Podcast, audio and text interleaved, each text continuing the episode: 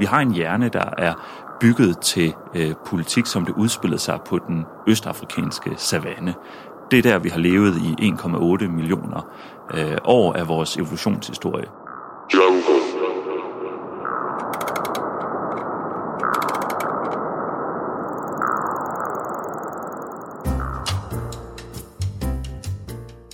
Du lytter til Det Videnskabelige Kvarter.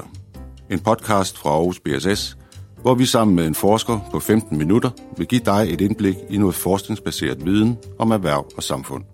Mit navn er Michael Skrøder.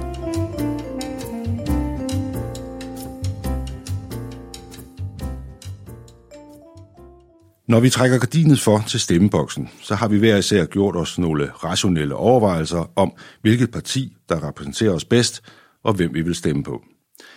Men vores valg bliver også påvirket af noget ganske irrationelt.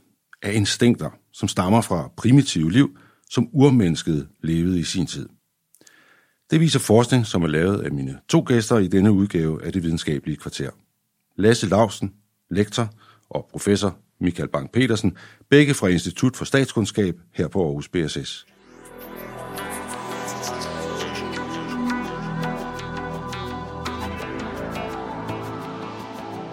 I er jo begge to inspireret af Charles Darwin, altså ham med arternes oprindelse.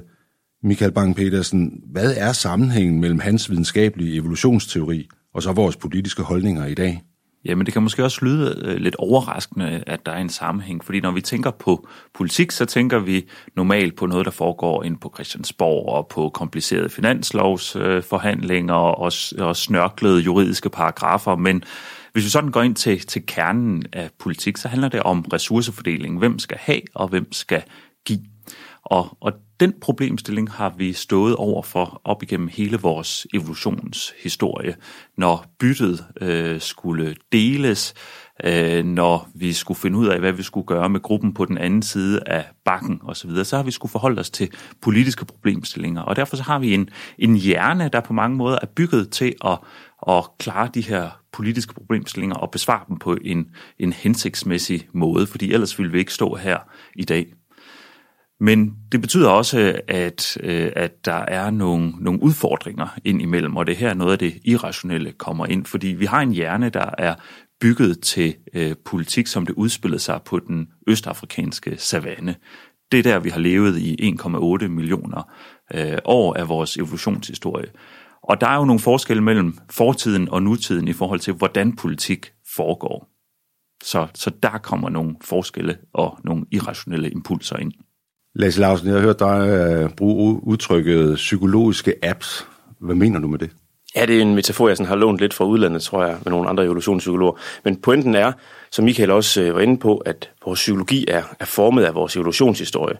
Og helt konkret så er den formet på den måde, at vi har udviklet forskellige psykologiske systemer til de problemer, vi sådan som art har stået overfor.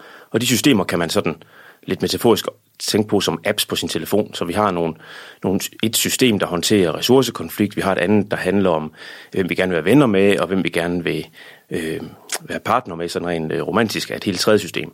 Og det er lidt sådan en, en, man kan sige en parallel til ens telefon, hvor man også har en, en app til mobile pay, og en til netbanken, og en, og en tredje til at tage noter på. Okay, I har lavet øh, rigtig mange studier af, hvad der påvirker vores politiske holdninger, men øh, lad os da prøve at dykke ned i noget af det, der er særlig relevant for de fleste vælgere. Vi ved jo fra øh, vælgerundersøgelser, at sådan noget som fordelingspolitik og værdipolitik, det er afgørende for valg. Så lad os prøve at tage fat på netop de to områder. Læse Lausen, vi begynder med fordelingspolitik, altså det der med vores holdning til, hvordan samfundets goder skal fordeles. I har vist med jeres forskning, at øh, for eksempel mænd med store, stærke overkroppe har en tendens til at gå ind for ulighed i samfundet. De er typisk mere højorienterede end spinkle mænd, og det forklarer I altså med øh, evolutionspsykologi. Hvordan det?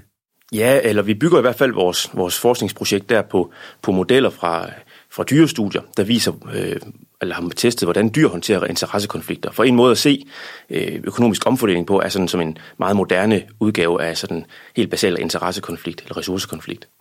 Og det man ved fra dyrestudier, det er, at øh, dyr håndterer øh, sådan en, en interessekonflikt øh, en mod en, øh, forskelligt afhængigt af, om de er den største eller den mindste. Så den mindste har ikke rigtig lyst til, at det, det skal eskalere alt for voldsomt, for så bliver den ligesom kanøflet af den store, mens den store vil gerne eskalere konflikten, for den står til at vinde på at, at få konflikten optrappet.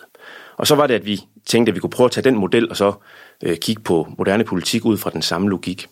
Øhm, og så dermed øh, have en hypotese om, at, at de store, stærke mænd, de måske også ville gå mindre ind for omfordeling eller mere ind for ulighed, øh, fordi de, de står til at, at vinde på det, og fordi de, de øh, kan klare sig selv og er psykologisk disponeret for at tænke, at de skal klare sig selv og ikke nødvendigvis dele med andre. Og gjorde de så det? Ja, det viser vores studier ret entydigt sådan på tværs af, af både noget dansk og noget amerikansk og, og øh, også noget østeuropæisk data, at, at folk, der siger, de er store stærke, men også er store stærke, når vi får dem ind i vores laboratorier og måler på deres overarm og deres håndgrebsstyrke, jamen de er også mere øh, tilbøjelige til at sige, at ulighed er en god ting. Gælder det også for kvinder så? Nej, øh, der ser vi ikke de samme sammenhænge, øh, og, og, og, og slet ikke, når vi ligesom får, får kvinderne og mænd ind i vores laboratorier, der ser vi så ikke øh, den samme sammenhæng mellem muskelstyrke og, og holdning. Øh, og det betyder så ikke, at, at kvinder ikke også er psykologisk udviklet til at tænke ressourcekonflikter, men de gør det nok bare på en anden måde, end, end mænd gør.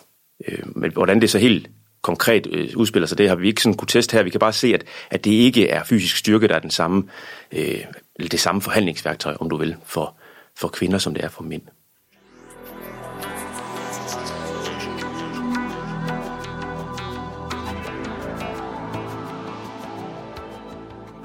Lad os prøve at snakke øh, værdipolitik også. Et område, som jo i høj grad hænger sammen med, hvorvidt øh, vi ser indvandring som en øh, trussel mod vores kultur eller ej. Michael Bang-Petersen, øh, du har sammen med jeres kollega, Line Aarø, vist, at øh, vores immunforsvar øh, faktisk kan forklare en del af indvandrerskepsis. Hvordan det?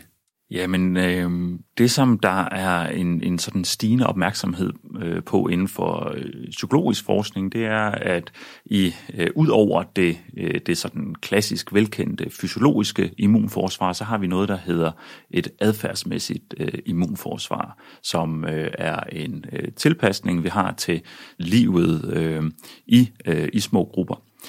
Og det her adfærdsmæssige immunforsvar, det virker ved hjælp af afsky.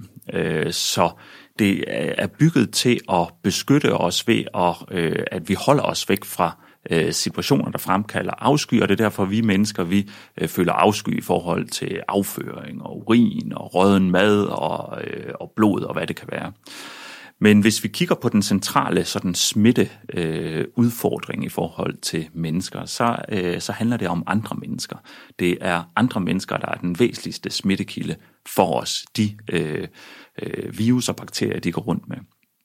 Og derfor så har vi sådan et, et hyper sensitivt øh, adfærdsmæssigt immunforsvar, som hele tiden er på udkig efter, om hov, er der en, der ser lidt anderledes ud her, og hvis vedkommende ser lidt anderledes ud, kan det så reflektere, at, at vedkommende er, øh, har en infektion, og har en sygdom på en eller anden måde, så den vi ligesom skal holde, holde afstand.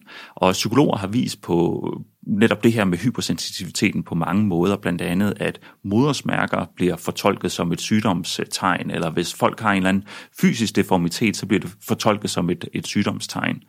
Og det vi så har kigget på, det er, jamen, hvis folk ser anderledes ud, øh, kommer med en anden hudfarve, er det så også noget, der sådan helt ubevidst bliver opfattet som et, øh, et, et, sådan et faresignal om, at måske har vi at gøre med en, der har en sygdom her? Det tyder vores forskning på, fordi vi kan se, at de personer, der har et mere aktivt adfærdsmæssigt immunforsvar, de er også øh, i højere grad modstandere af indvandrere, og hvis der kommer indvandrere til landet, så siger de, at de i hvert fald skal holde sig for sig selv, og vi skal ikke interagere øh, med dem. Så noget tyder på, at, at dele af modstand mod indvandring øh, hviler på de her sådan, øh, dybliggende impulser om at undgå smitte. Men betyder det så, at, at, at mennesker, der, der ofte er syge, eller, eller eller synes selv, at de har et svagt immunforsvar, at, at de er mere skeptiske over for indvandrere, eller, eller hvordan? Man kan sige, der, vi ved ikke, hvad den egentlige sammenhæng er mellem det fysiologiske immunforsvar og det øh, sådan adfærdsmæssige immunforsvar er i nu. Det er en af de steder, som, som forskningsfronten ligesom står, man er begyndt at, øh, at undersøge. Men det er også vigtigt at sige, at det her det er jo selvfølgelig en irrationel kilde til øh, indvandrerholdninger. Indvandrere kommer ikke rent faktisk med øh, smitte. Øh, men det betyder jo ikke, at der ikke kan være andre øh, grunde øh, og øh, sådan velargumenterede grunde for at være modstander mod indvandring. De her sådan mere irrationelle faktorer, som vi kigger på, de øh, forklarer noget, øh, men de forklarer ikke det hele. Så det bliver angsten for det fremmede i det hele taget? Det er, er, er det, som øh, det her adfærdsmæssige immunforsvar skaber, ja. Vi har nu hørt to eksempler på, at øh, vores liv som urmennesker stadigvæk spiller ind i øh, de holdninger, vi har i dag. Lasse Lausen, øh, hvad skal vi som vælger stille op med den her viden? Altså om, at vores politiske holdninger er præget af instinkt og intuitioner, øh, og som jo ikke nødvendigvis giver mening i, i, i det samfund, vi lever i i dag? Jeg tror, at man som vælger kan, kan selvfølgelig gå til det her på mange måder, men, men vores budskab er jo ikke, at man skal lave, man skal lave sin stemmeadfærd om, fordi man nu skal, ved, man eller for at vide, at man er, er øh, halvvejs urmenneske, eller 10% urmenneske, eller meget det man nu er. Jeg tror mere, det handler om, at man skal til det som et perspektiv på, øh, hvad politik er øh, for os alle sammen. Og politik er ikke kun, at man sætter sig ned i sin lænestol og, og tænker meget øh, til bundsgående om, hvad man, hvad man vil stemme på, og, og hvorfor man vil det, og for nogle emner, man vil tage mest stilling ud fra. Men politik er også, som vi har været inde på her, nogle helt sådan fundamentale automatiske impulser eller processer, som, som vi ikke altid kan kontrollere, som vi måske ikke engang er klar over, øh, kører ned i vores psykologi, og også guider vores, vores sådan adfærd, tilbøjeligheder og holdninger. Så det tager vi altså også med ind i stemmeboksen, når vi på et eller andet tidspunkt skal, skal ned og stemme. Men ser I også eksempler på, at for eksempel de politiske partier øh, taler til de her instinkter, eller ligesom appellerer til dem og, og, og prøver at få nogle, øh, vinde nogle stemmer på den måde? Ja, altså hvis man sådan kigger over de sidste mange års øh, politik i Danmark, så, så en sag som, som Dorne Robert er jo sådan et klassisk eksempel på en enkelt sag, der bliver brugt fra politisk side øh, til at og, øh, prøve at påvirke vælgerne. Og, og det med, med, at enkeltsager er noget, vi, vi lader os påvirke af, det er jo også øh, meget forenligt med det her smågruppesamfund, som vi har, har øh, levet i. Netop fordi, at vi er meget bedre til at tage øh, til, til at for, forholde os til enkelte konkrete personer, end til abstrakte øh, grupper, som, som måske skal have ydelser eller velfærdsydelser. Så ved at erkende, at de her øh, instinkter er der, og de, de har en betydning, så kan man måske også bedre afkode øh, politikernes øh, signaler og, og, og meddelelser. Ja, vi bruger dem jo i høj grad til netop at afkode øh, politikernes øh, ja, beskeder eller deres, deres øh, udmeldinger. Ikke? Øhm, så vi navigerer jo i politik med det her. Det er jo virkelig det, vi, vi, vi nok siger, og det gør vi også øh, uagtet, at vi ikke, når vi selv altid ved, at vi gør det. Michael Bang-Petersen, hvis vi løfter jeres forskning op i sådan lidt større øh, samfundsperspektiv, hvad kan den her viden om evolutionspsykologi og politiske holdninger så øh, bidrage til? Jamen, jeg tror, en af de, de centrale indsigter fra øh, det her evolutionspsykologiske perspektiv, det er, at vores politiske instinkter og vores politiske mavefornemmelser, vores politiske intuitioner i virkeligheden er skabt til en, en betydelig anden verden, end den vi øh, lever i i dag. Øh, det er skabt til en, en verden, hvor der ikke var øh, supermarkeder og hospitaler, hvor vi selv skulle øh, ud og kæmpe for maden, eventuelt øh, mod andre øh, grupper. Så på mange måder en betydelig barskere verden, end den vi lever i øh, i dag. Og det betyder, at vi ikke nødvendigvis kan stole på de intuitioner, som vi har, hverken dem vi selv har, eller dem, som, som andre kommer med her under vores øh, politikere. Øh, og vi kan se en, en række bekymrende øh, politiske tendenser, når vi kigger ud i, øh, i samfundet. Man kan sige, generelt set så går det meget godt, men der er nogle bekymrende ting, såsom stigende polarisering, stigende ulighed, øh, fremkomsten af sådan mere autoritære øh, ledere og øh, cirkuleringen af øh, falske nyheder, øh, had på, øh, på de sociale medier. Øhm, og nogle af de her øh, tendenser kan udtrykke aktivering af denne her øh, psykologi, som, som øh, er bygget til en verden, hvor man i højere grad skal klare sig selv, være klar til vold og øh, aggression. Så ved at, øh, ved at komme dybere ned i det, ved at forstå de her impulser, øh, så kan vi måske forstå baggrunden for de ting, vi ser ude i verden, og ved at forstå baggrunden, så øh, er videnskabens håb jo, at vi, vi så måske kan øh, modgå dem og løse problemerne.